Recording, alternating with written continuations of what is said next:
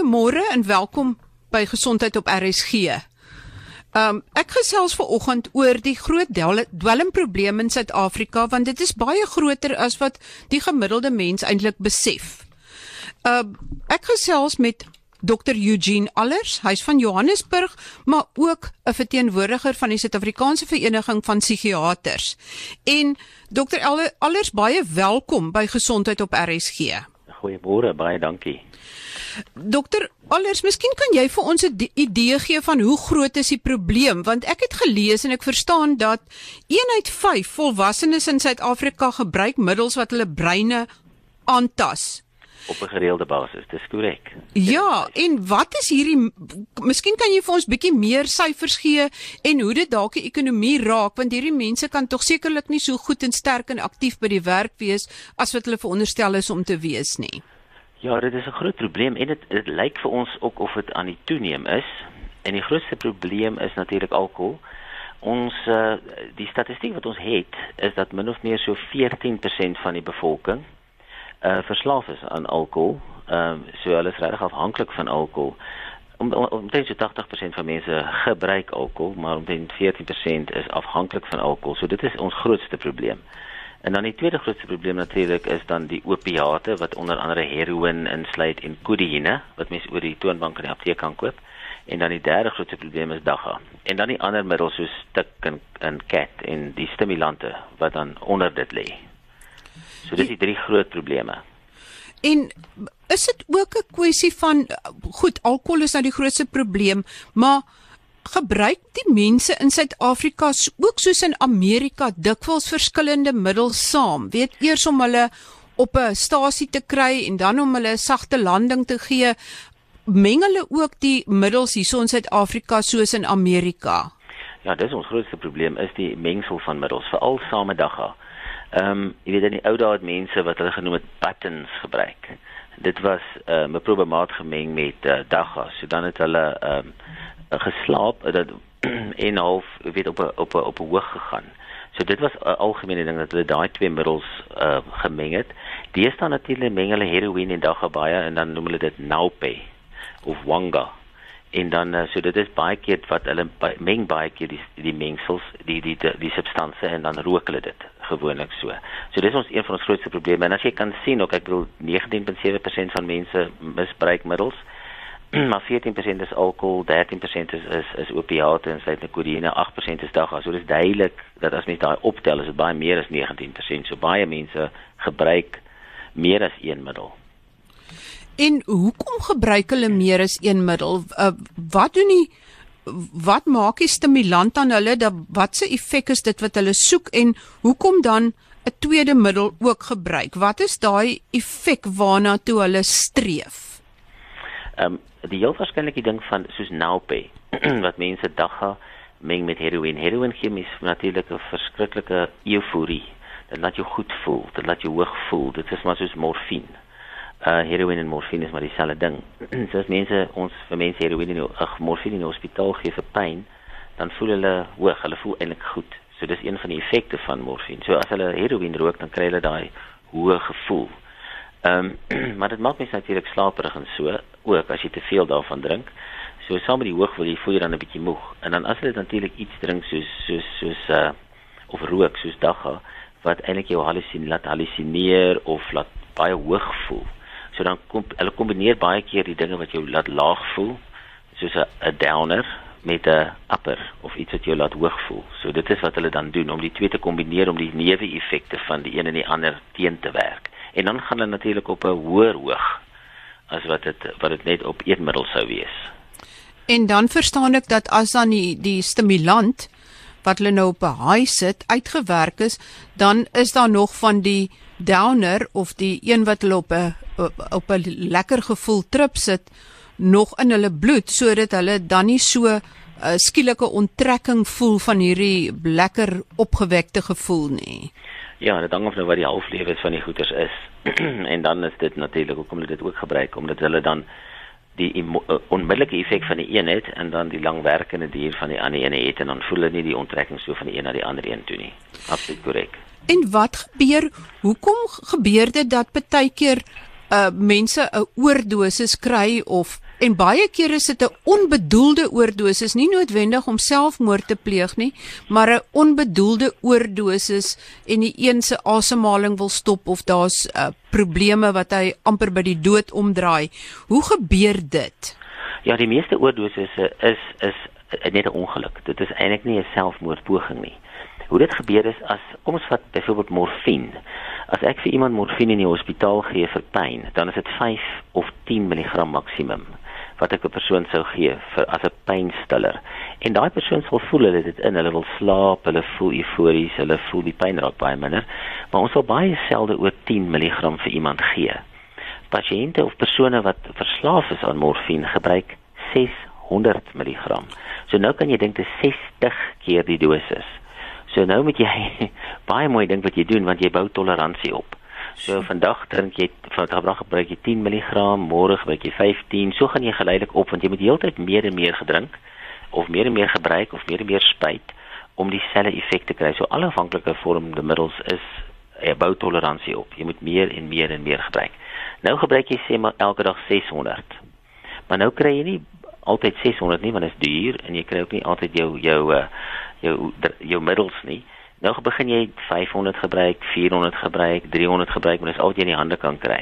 Nou maar 'n week later of 2 weke later, dan as jy weer geld kry, dan kry dan kan jy weer 600 mg koop. Maar nou moet jy weet, jy moet met 300 mg opgaan. Nou 10 mg is die dosis. En dan spuit hulle of hulle rook hierdie 600 mg weer omdat hulle nou skielik geld het. Maar dan het hulle toleransie verloor. En dan gaan hulle dood, want dan is dit 'n oordosis vir hulle op daai stadium. So jy moet dit so mooi balanseer om te weet wat is my dosis vandag as jy op en af gegaan het, want dis hoe maklik dit is om 'n oordosis in te kry. En nou verstaan ek nog, dan is daar die kans dat daar vreemde of gesintetiseerde opiate kan inwees wat tot 10000 maal sterker is selfs as heroïne. Weet dit, ek dink nou aan in Amerika die fentanyl. Ek weet nie of dit al in Suid-Afrika is nie. Hmm ons kry dit af en toe hierso nie so algemeen nie, maar dit is beskikbaar in Suid-Afrika. En ons kan ook pasiënte dit gee. Dit is 'n middel wat beskikbaar is in Suid-Afrika vir mense vir pyn.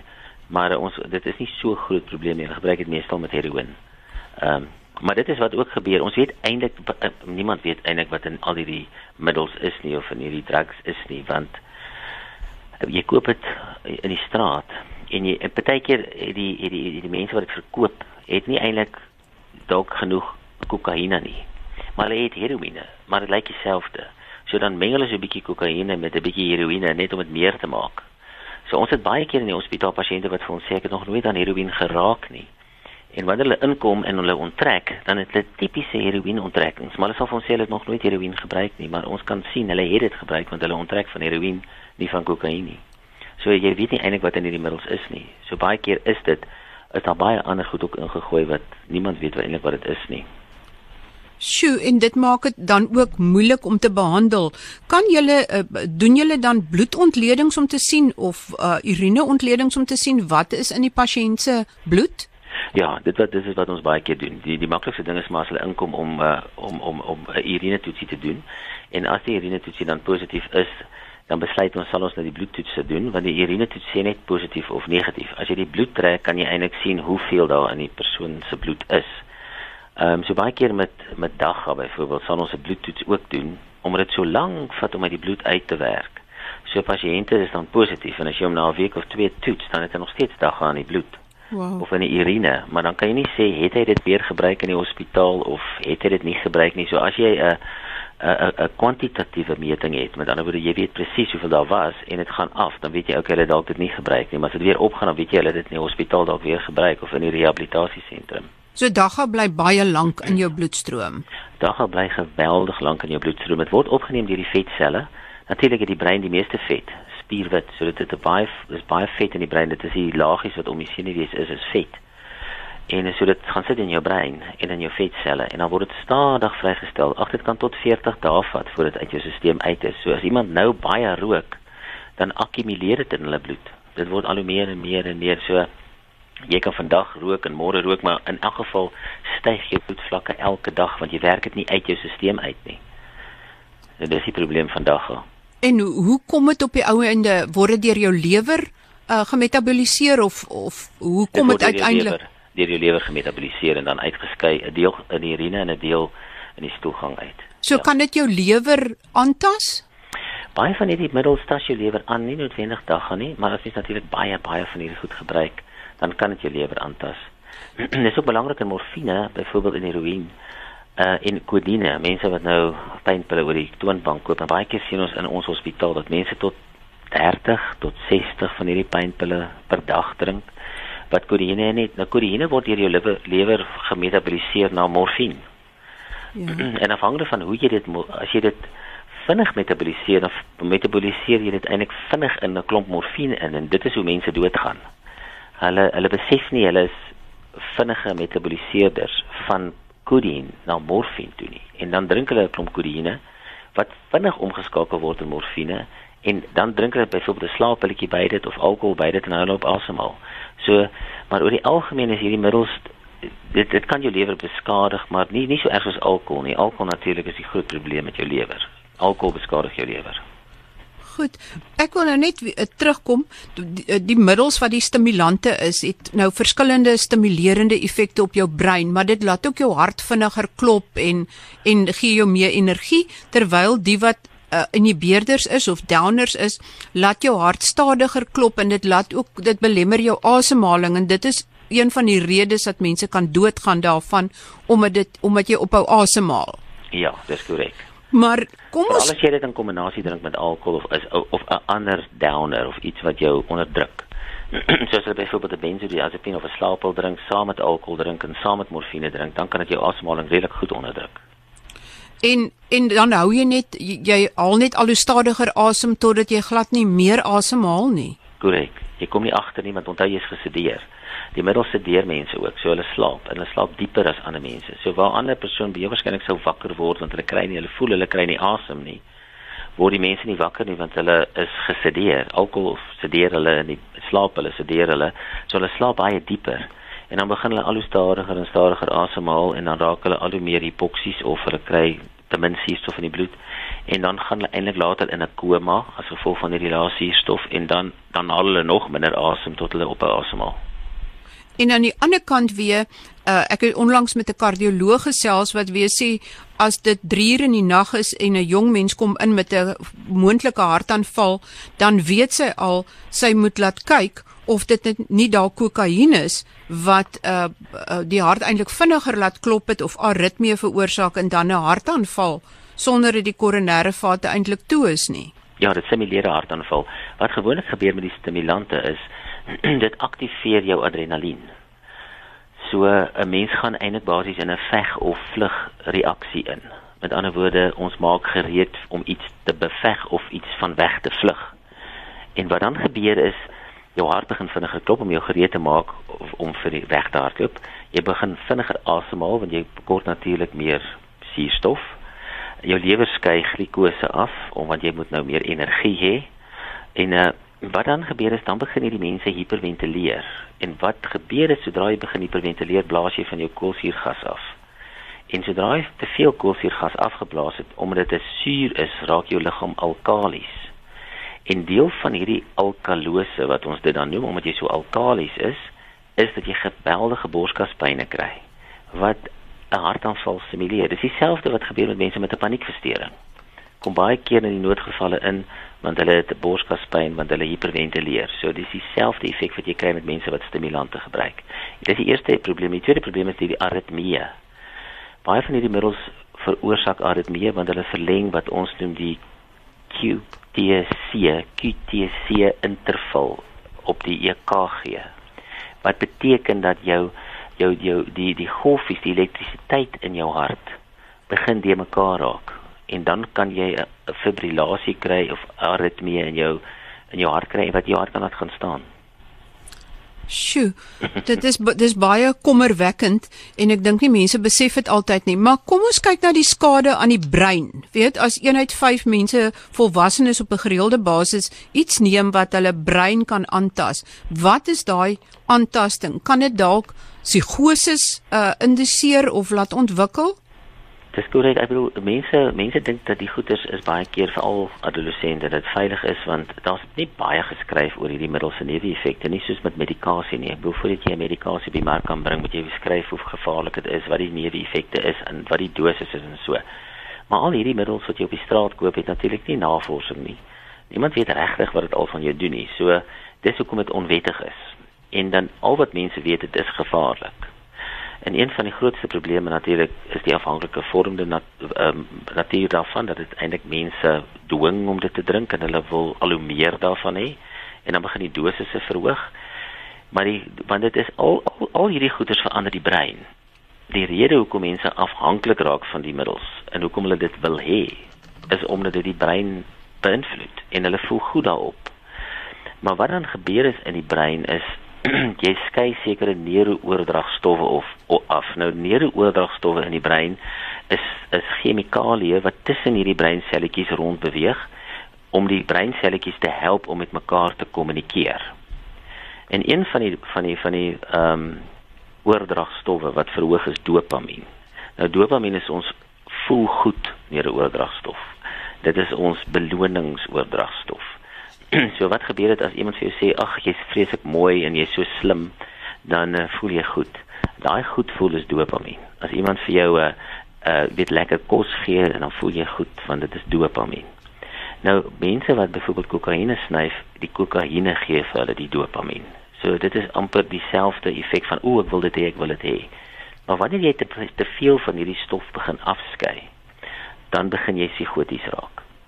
So te veel dopamien maak ons heeltemal de mekaar in psigoties want dan begin die brein uh boodskappe kry wat hy self opwek van gedagtes van paranoia mense agtervolg my of hulle hoor stemme hulle sien dinge wat ander mense nie sien nie want hierdie dopamien kan dieselfde dit ook doen. Dit dit wek hierdie gedagtes en hierdie sensasies en sensorium op sodat mense begin psigoties raak. En dan raak hulle natuurlik de mekaar Jy weet so dit is dit is die een groot gevaar van hierdie middels is dat dit hierdie neurooordragstowwe so beïnvloed dat jou brein nie meer later normaal kan dink en werk nie. En dokter Allers met al hierdie probleme uh het jy het julle ook gesê SASOP uh die dit is die Suid-Afrikaanse Vereniging vir Psigiaters is baie bekommerd daaroor dat daar nie genoeg befondsing is uh vir die behandeling en die voorkoming van dwelmgebruik en alkoholgebruik in Suid-Afrika nie, maar ook dat daar die dat daar oudtydse benaderingsgevolge is. Wat is die moderne benadering en wat is die verkeerde oudtydse benadering waaroor jy bekommerd is? Kyk, daar is die voorsieningskant en dan is daar die uh, benodigingskant of die die supply side en die demand side soos hulle sê.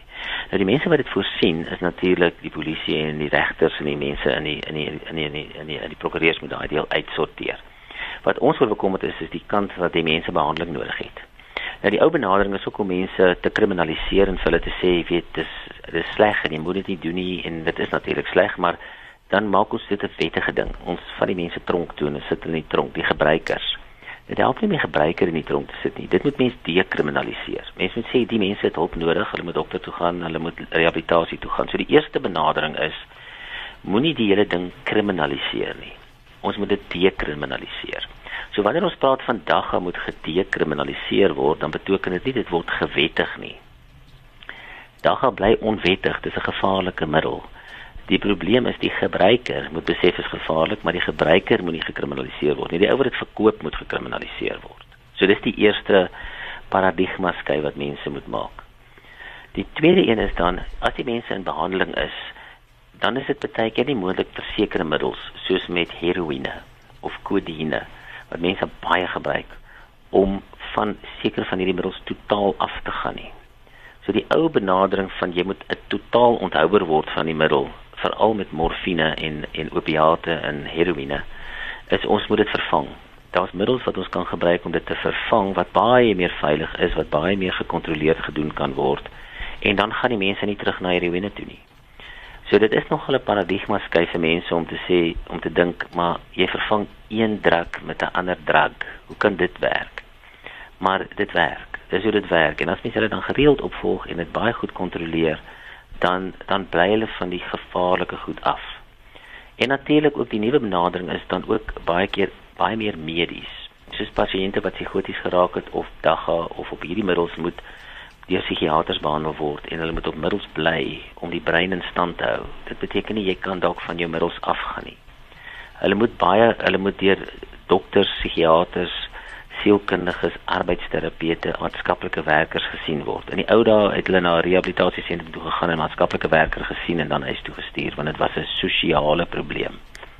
Ons sien substansmisbruik nie as meer as 'n sosiale probleem nie, dis 'n mediese probleem. Ja, en dan moet sosiale intervensies wees, maar dan moet mediese intervensies, sielkundige intervensies, gereelde opvolge, medikasie, al daai dinge beskikbaar wees om die pasiënte te help om nie terug te gaan na hulle ou gewoontes toe nie of die verslawing toe nie. Maar sê maar iemand het nou alkohol gebruik. Uh daar's tog seker nie 'n plaasvervanger wat gee jy dan in die plek van alkohol? Uh, daar's nie 'n plaasvervanger nie, maar daar's sekere middels wat ons kan gebruik om die lus van alkohol minder te maak. OK. Sodat die persoon nie voel ek moet dit kry nie. Daar's ook middels wat ons kan gebruik dat wat hulle wat hulle kan siek word as hulle dit gebruik. So ons gee vir hulle middels soos antabuse en dan as hulle alkohol gebruik dan word hulle baie baie ernstig siek. So dit onthou hulle van die alkohol want elke môre as hulle die pilletjie drink, dit werk amper soos 'n disprin. Jy gooi hom in die water en los hy op. En dan dan weet hulle ek kan glad nie alkohol drink nie want ek kan siek word. So dit help en motiveer hulle om om dit nie te gebruik nie. Byvoorbeeld met sigarette is dit dieselfde. Weet ons kan die sigaret vervang met 'n medikasie wat hulle dan moet stadig verminder. So selfs met sigarette werk dit. Dokter Allers, hopeloos te vinnig hardloop ons tyd. Al die tyd ons ja. in. En daar's nog so baie vrae wat ek wil vra. So ek gaan 'n definitiewe reëling met jou maak het ons weer gesels. Ja. En ek nooi luisteraars ook sommer hiermee op as hulle enige vrae het oor alkohol of dwelmmisbruik om dit te stuur aan gesond by rsg.co.za en dan sal ek dit saam met dokter Allers in 'n program in die toekoms hanteer. Maar dokter Allers, as jy 'n boodskap het vir mense wat nou luister, en daar is iemand in sy lewe of haar lewe of hy een gebruik selfmiddels, wat staan daai persoon te doen? Kan hy iemand kontak? Wat moet hy maak om hulp te kry?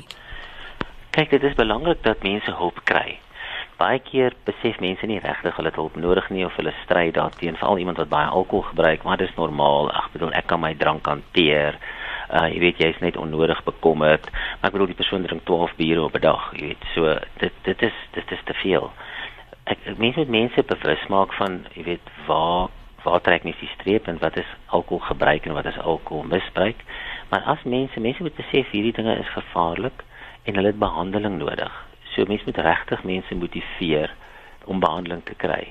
Want dit help nie mense gaan aan daarmee nie. So as mens iemand ken wat dit misbruik maar dit nie besef nie, moet mense liewer met die persoon praat en sê hoorie, dit is hier, wat nou gebeur is nie aanvaarbaar nie. Hier's 'n groot probleem met jou. En dan begin mense begin insig kry in hierdie probleme. Maar baie mense weet ook hulle misbruik dit en hulle het behandeling nodig. So mense moet, moet regtig mense motiveer om behandeling te kry. Natuurlik as mense nie wil met behandeling kry nie, is daar metodes in die wet in die nuwe wet op uh, die voorkoming van substansmisbruik en die behandeling daarvan is daar metodes om mense te dwing te gaan vir behandeling. Maar mense nou nie daar noodwendig kom nie, maar jy kan ook as jy moet. Is jou eerste uh, stap dat jy miskien uh, na jou GP toe gaan dat hy van daar ja. af vir jou help met reëlings? Gewoonlik is die algemene praktisyn die persoon wat die meeste kennis het van wat in die omgewing aangaan, wat se hulp is beskikbaar, wat se psigiaters is daar of sielkundiges of rehabilitasiesentrums. So hulle is gewoonlik die eerste roep want hulle weet weet hulle het 'n netwerk van waar hulle mense kan heen stuur. So dit is eintlik die beste roep om na toe te gaan as jy algemene praktisyn. Baie baie dankie Dr Eugene Allers. Hy is van Johannesburg, 'n psigiater daar, maar hy verteenwoordig ook die Suid-Afrikaanse Vereniging vir Psigiaters en hulle is almal baie bekommerd oor die groot dwelmprobleem en alkoholmisbruikprobleem in Suid-Afrika en dat die nuwe benaderings van behandeling nie dikwels of altyd gevolg word nie. Baie dankie aan die luisteraars. Ons gesels volgende week weer gesondheidsake en dan gesels ons oor die uitwerking van geweld op vroue en ons ek praat met 'n trauma chirurg sodat ons die prentjie daar kry van wat presies gebeur en wat die dokters teekom.